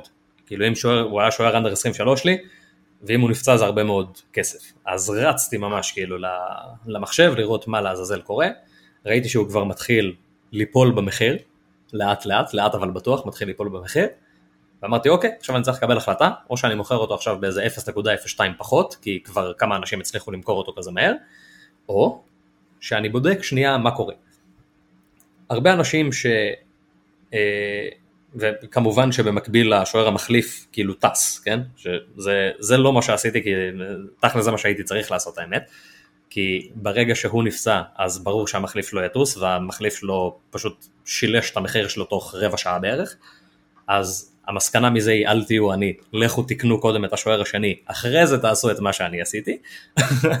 וזה היה ללכת פשוט לטוויטר, לחפש את השם שלו ולראות מה לעזאזל קרה. חיפשתי את ה... חיפשתי איזה סרטון של הפציעה, מצאתי סרטון של הפציעה, ראיתי מה קרה וזה היה נראה קצת בלוף, אם אני פייר. כאילו זה היה נראה כאילו אוקיי הוא פשוט עשה טעות ועכשיו הוא משחק אותה כאילו הוא פצוע כי הוא מנסה להתחמק. בסופו של דבר זה מה שבאמת קרה, כי הוא חזר למגרשים שבוע אחרי זה.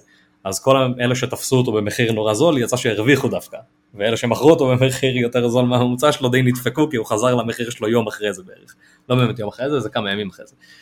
אה, אבל העניין הזה של להגיב נורא מהר לשוק עובד. כי ברגע שיש איזו פציעה שהיא משמעותית, ואני מנסה לחשוב על איזו דוגמה טובה. בוא נגיד ש... בוא, בוא נגיד שסאלח עכשיו נפצע בליברפול, אוקיי? בוא ניקח דוגמה כזאת. סאלח נפצע עכשיו בליברפול. אוקיי. אין לליברפול כל כך, אין לליברפול כל כך כאילו כנף ימין במקום סאלח. אין לנו איזה מישהו כזה. אז אני הייתי משער, ואולי זה לא נכון, כן? אבל אני הייתי משער שהארווי אליוט ייכנס לעמדה הזאת. עכשיו, אם קורה דבר כזה, שפתאום אנחנו רואים את סאלח, לא יודע מה, סאלח נשברת לו הרגל ב live, סבבה? ב live אתה רואה את הרגל שלו נשברת. סביר מאוד להניח ששחקן כמו ארווי אליוט, ואולי זו לא הדוגמה הכי טובה כי הוא לא בהכרח המחליף שלו, אבל בואו נצא מנקודת הנחה שארווי אליוט זה המחליף שלו. ארווי אליוט תוך שעה ככל הנראה משלש או מרבע את המחיר שלו. כן. בגלל הפציעה הזאת. אם אנחנו כאילו, אם זה ברור שהוא הולך להיות בחוץ להרבה מאוד זמן. זה כאילו, אפשר לשחק את הדברים בעיקר- האלה. זה בעיקר כאילו דברים של קבוצות גדולות, שחקנים גדולים, שהמחליפים שלהם הם צעירים או פחות... ה- התסריט הכי טוב זה שהמחליף הוא אנדר 23, והשחקן שנפצע מביא תוצאות טובות. זה, ה- כן. זה האידיאל. כי גם אנשים לא באמת חושבים, כן? זה לא בהכרח עכשיו שארווי אליוט יעשה עכשיו את אותה כמות נקודות כמו של סאלח. אבל אנשים חושבים על זה טוב, זה, זה, זה הכנף הימי- הימני של ליברפול, כאילו גרוע זה לא יהיה. נכון. זה בטוח יהיה טוב, הוא אנדר 23 וסאלח לא אנדר 23, אז פתאום אתה רואה את זה כזה, כזה טס. עם שוערים זה קל, כי שוערים בדרך כלל עושים פחות או יותר את אותם נקודות. אז שוער אחד נפצע, שוער אחר, כאילו, שוער אחר עכשיו הולך להיכנס במקומו, סביר מאוד להניח שהוא יעלה. אה, וזה אולי מכניס אותנו לעוד משהו קטן, וזה סתם המלצה למי שיש לו את האופציה לעשות את זה. אם אתם קונים, אם יש לכם שוער שאתם בונים עליו, והוא כאילו השוער שלכם, ולא יודע מה, יש לי את, אה, יש לי את אובלק עכשיו לצורך העניין, ואני אומר את זה ואין לי את השוער המחליף של אתלטיקו, אבל רצוי שיהיה לי. אם יש לכם שוער כזה שהוא שוער שלכם ואתם בונים עליו, רצוי שגם יהיה לכם את המחליף לו. כי הוא לרוב לא יעלה המון, ואז אתם יודעים שגם אם השוער שלכם נפצע, יש לכם כבר את המחליף. כזה סבבה. אז, כן, והמחיר לרוב, אני שואל יותר, אני לא אומר, אני לרוב שוערים מחליפים כאלה, נגיד סתם דוגמא מחליף של הבלק, לא נראה לי שהמחיר שלו זז יותר מדי, כאילו שאתה מרוויח או מפסיד. לא הבנתי. ת- ת- אני תסביר לי שוב. אם, השוער המחליף של אתלטיקו כרגע, אני באמת לא זוכר מי זה, אבל אה, לאורך העונה, מצב רגיל, אובלק לא נפצע, הכל טוב ויפה, המחיר שלו לא זז יותר מדי. לא, לא, הוא לא יזוז יותר מדי, לא זה יזוז. לא, זה לא איזה, אין פה איזה סיכון משמעותי, מה שכן זה שחקנים שקשה למכור. כי הם יוצאים Mm-hmm. ב auction כל הזמן, וכאילו למה שיקנו אותם ממך, אתה מבין, זה כאילו, אה, זה כזה, כל פעם יוצא איזה auction, ואנשים פשוט מעדיפים לקנות אותם ב, ב auction ו, ולסגור את הסיפור. אבל, כן. יש גם דוגמאות אחרות לזה, ש... כי יש גם פוטנציאל רווח שהוא הוא לא קטן. בוא ניקח את אתלטיק, אה, את בילבאו, כדוגמה, סבבה? בוא ניקח את בילבאו כדוגמה. אונאי סימון זה השוער שלהם. השוער השני של... אה, השוער השני שלהם זה הגריבזלה הזה, כאילו השם משפחה של קפה, אני פשוט לא לא יודע איך מבטאים- אני לא יודע איך מבטאים את השם הזה, אבל אה, הגרי- הגריזבלה, נראה לי הגריזבלה. הוא אוקיי. הוא נחשב סנסציה, הוא נחשב, ילד מבטיח, סבבה? והוא בן 21, אונאי סימון בן 25. אז אם אונאי סימון עכשיו, לא יודע מה, פורק את הכתף בחוץ לשלושה חודשים, אתה פתאום מקבל את אולי אחד השוערים הכי טובים של האנדר 23 במשחק. אתה? יודע שגם, אתה יודע, סתם כאילו לא, לא קשור עכשיו לסורר ולא קשור כלום, אתה יודע שככה דיברו על קפה לפני ארבע שנים בערך. הוא היה ממש באותה קבוצה, ממש באותה גיל. באותו כן. גיל. תשמע, כן, הוא היה, ב- הוא היה בבלבר? היה בבלבר. וואלה. קיצור כן, יש, יש עוד אחד, יש, יש עוד, יש עוד קפה בדרך. קפה שתיים. יש עוד- יש עוד קפה בדרך. תשמע, כרגע אונאי סימון לא באמת זז מהרכב, כן? אבל מדברים עליו כן, כן, כאילו הוא ברור, סתם. זה, סתם הייתי חייב להכניס את זה, אתה יודע.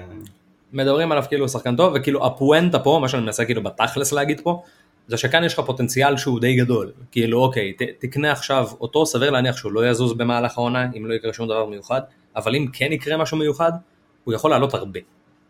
הוא יש לו פוטנציאל באמת לעלות הרבה. כאילו שוער עכשיו מחליף שהוא סתם כזה באיזה קבוצה נידחת ועניינים ופה ושם, הוא לא יעלה המון, הוא יעשה איזה, כאילו, אני אומר הוא לא יעלה המון, הוא יעשה איזה x2, 3, 4, כן? הקריזבלה הזה, אם אתה מדבר פה על פציעה שהיא ארוכת טווח, זה, זה יכול להיות מאוד משמעותי.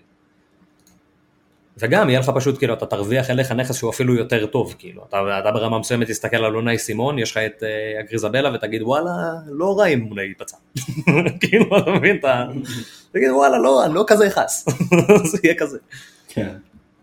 אה, אחת מהשיטות הכי טובות אבל באופן כללי וזה זה של פלג, מי שלא נמצא איתנו בקבוצת וואטסאפ בסורר, תצטרפו לקבוצת וואטסאפ אתם תדעו כבר מי זה פלג, אה, הוא קונה מלא שוערים צעירים כאלה, שכאילו יש להם איזה סוג של כביכול אולי איזה, אולי איזה עתיד מבטיח מתישהו, לא בהכרח, אה, לא בהכרח הגריזבלה, אבל כל מיני כאלה שיש עליהם טפטופים, וברגע שזה פוגע זה פוגע אחי. ברגע שזה פוגע זה פוגע אחושרמוטה כאילו. ואתה צריך אחד כזה שיפגע, שיחסה לך תשעה שלא פגעו.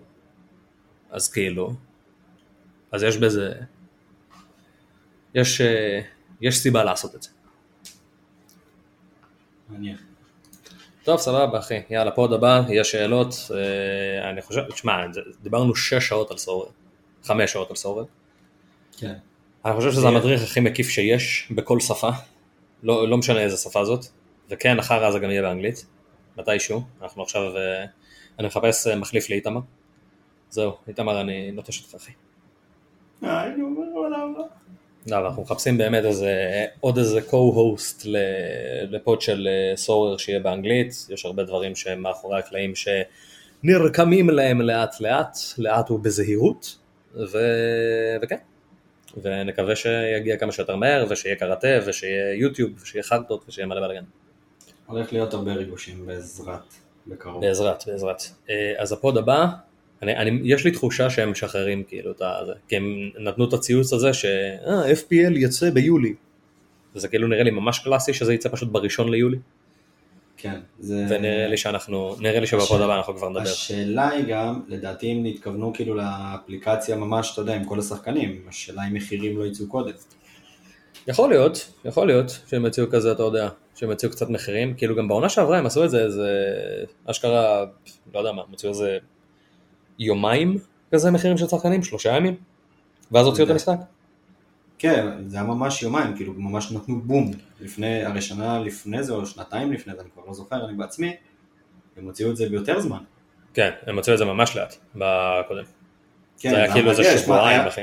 כן, כן, זה היה לנו ממש, העלינו הרי אה, פוסטים של שחקנים, לפי כן. המחירים וכאלה. וואי, זה Mhm. ממש מרגש, זה היה ממש ההתחלה שלנו. כן, אבל עכשיו העונה גם מתחילה יותר מוקדם, וכאילו, עקרונית, אם הם היו עושים את זה, אין- מצב זה- עכשיו שהם יעשו שבועיים, אין מצב כן, עכשיו שהם יעשו כן, שבועיים. כן. אז כאילו זה, זה חייב לצאת בקרוב, אז נראה לי שזה יהיה עוד פעם כזה, לא יודע מה, דרווין עולה ככה, זה יהיה בטח דרווין, לדעתי, כן, זה ההימורים שלי, הם יוציאו או סאלח או סון, כזה לתת לך, אתה יודע, לתת, בטח סאלח, בשביל לתת את הספקולציה על כל השאר כמה הם יעלו, טרנט או קנסלו, דרווין, הלנד, ואז את המשחק. כן. כאילו יהיה גם את כל השחקנים של פורסט ואלה, כן, אבל למי אכפת מזה? כן. אם אנחנו פיירים, יהיה כזה, אה, זה שאתה לא מכיר עולה ארבע וחצי, אוקיי. כמה דרווין יעלה ניחוש שלך? תשמע, זה, זה tricky ממש. ממש, אני אגיד. לך, הקטע הבאמת tricky פה, זה שאתה אומר, מה הם עושים עכשיו, הם מפוצצים את כל מה שהם עשו עד עכשיו והופכים- והופכים את המשחק הזה לטיפה יותר כיף? כי זאת השאלה בתכלס. כי עכשיו אם אתה אומר לי, אוקיי, סאלח 13, סון 12, קווין 12, הלנד 12, דרווין 11, כאילו, אה, אחי, מה, אני לא יכול לשחק, אתה מבין, זה, זה לא כיף לי. אני צריך לבחור. אני צריך לבחור שניים מתוך 50, זה כבר לא מגניב. עכשיו הליגה הזו כן, משתפרת כל עונה, אחי. כל עונה היא משתפרת, ברוך השם. זה בעיה, ונראה לי שאנחנו נהיה בבעיה, אם אתה שואל אותי. כן, זה נראה לי שאנחנו נהיה בבעיה, כן. זה נראה לי הולך להיות ככה. כן. תשמע, דרווין, השאלה מה יהיה עם לוצ'ו, זה זה הכי מעניין, אם אתה שואל אותי. לוצ'ו לדעתי יהיה 10, אם ייתנו לו סון, הם ייתנו לו סוני כזה, זה מה שאני מאמין, ודרווין, 10 גם, שניהם 10. כן, זה זה האמת היו ההימורים שלי. לוצ'ו הייתי מהמר תשע וחצי האמת, אבל כן, זה הגיוני עשר. לא, נראה לי שהם יעשו כזה זה, כי אני חושב שסאלח יהיה 13, טרנט יהיה 8 וחצי, אני חושב שזה יהיה כזה. אולי אני סתם פסימי, לא יודע. שמונה וחצי, וואו, זה מוגזם. אולי אני סתם פסימי, אולי אני סתם פסימי. לא, לא, יכול להיות שהוא יישאר, כמה הוא היה? הוא היה 8 לא, עונה? שמונה. לא, הוא לא יהיה שמונה וחצי. כמה הוא היה? הוא היה עונה 8? אה, לא, הוא היה 7 וחצי, אז הוא היה 8. לא, כמה הוא התחיל אתה מתכוון? כן, כן. כמה שבע? וחצי. שבע וחצי, כן. כן, כן, הוא התחיל שבע וחצי כי רובו היה שבע. כן, הוא יהיה שמונה לדעתי. הוא יהיה שמונה. אם הוא יהיה שמונה, אז סון 12 וקווין 12 וכאילו זה, זה... אתה לא יכול לשים אותו אכל- שמונה. אכלנו אותה. כן. בסדר, זה יהיה עוד פעם, זה יהיה שנת המגן שוב. זה, זה יהיה פשוט כאילו צ'ילי, קנסלו, טרנט, שני נגרים, סאלח בתור פרימיום אחד וכל מיני חצאי פרימיום כאלה. דיאז, כן. ולא יודע מה, וכל מיני שטויות כאלה. דיאז פולוסבסקי, אתה מבין? זה כזה. כן, רפי, כל מיני... רפי בברסה, אחי. שיבוא, מחכים לו בעולם. רק אם פרנקי הולך אבל. אה, תשמע, זה לא יודע כמה זה דיון לפה, אבל אני לא כזה יכעס אם פרנקי ילך, כמו שכעסתי לפני חודש, אם היית אומר לי את זה. למה ככה? מה- מה מה השתנה? אה, כי אם פרנקי הולך, זה די אומר שמי מי שבאים על חשבונו זה ברנרדו ולבנדובסקי. אה, כן. אז אני לא כזה כועס. זה כזה דפוק אחי, זה כזה דפוק. כאילו הרכש הכי חשוב של יונייטד בקיץ, אז המפתחות אליו בידיים של סיטי. שזה כאילו כן. ממש דפוק אחי. סיטואציה מוזרה. טוב, אה, אז כן, בפוד הבא נדבר על דברים שנדבר עליהם בפוד הבא, יאללה ביי.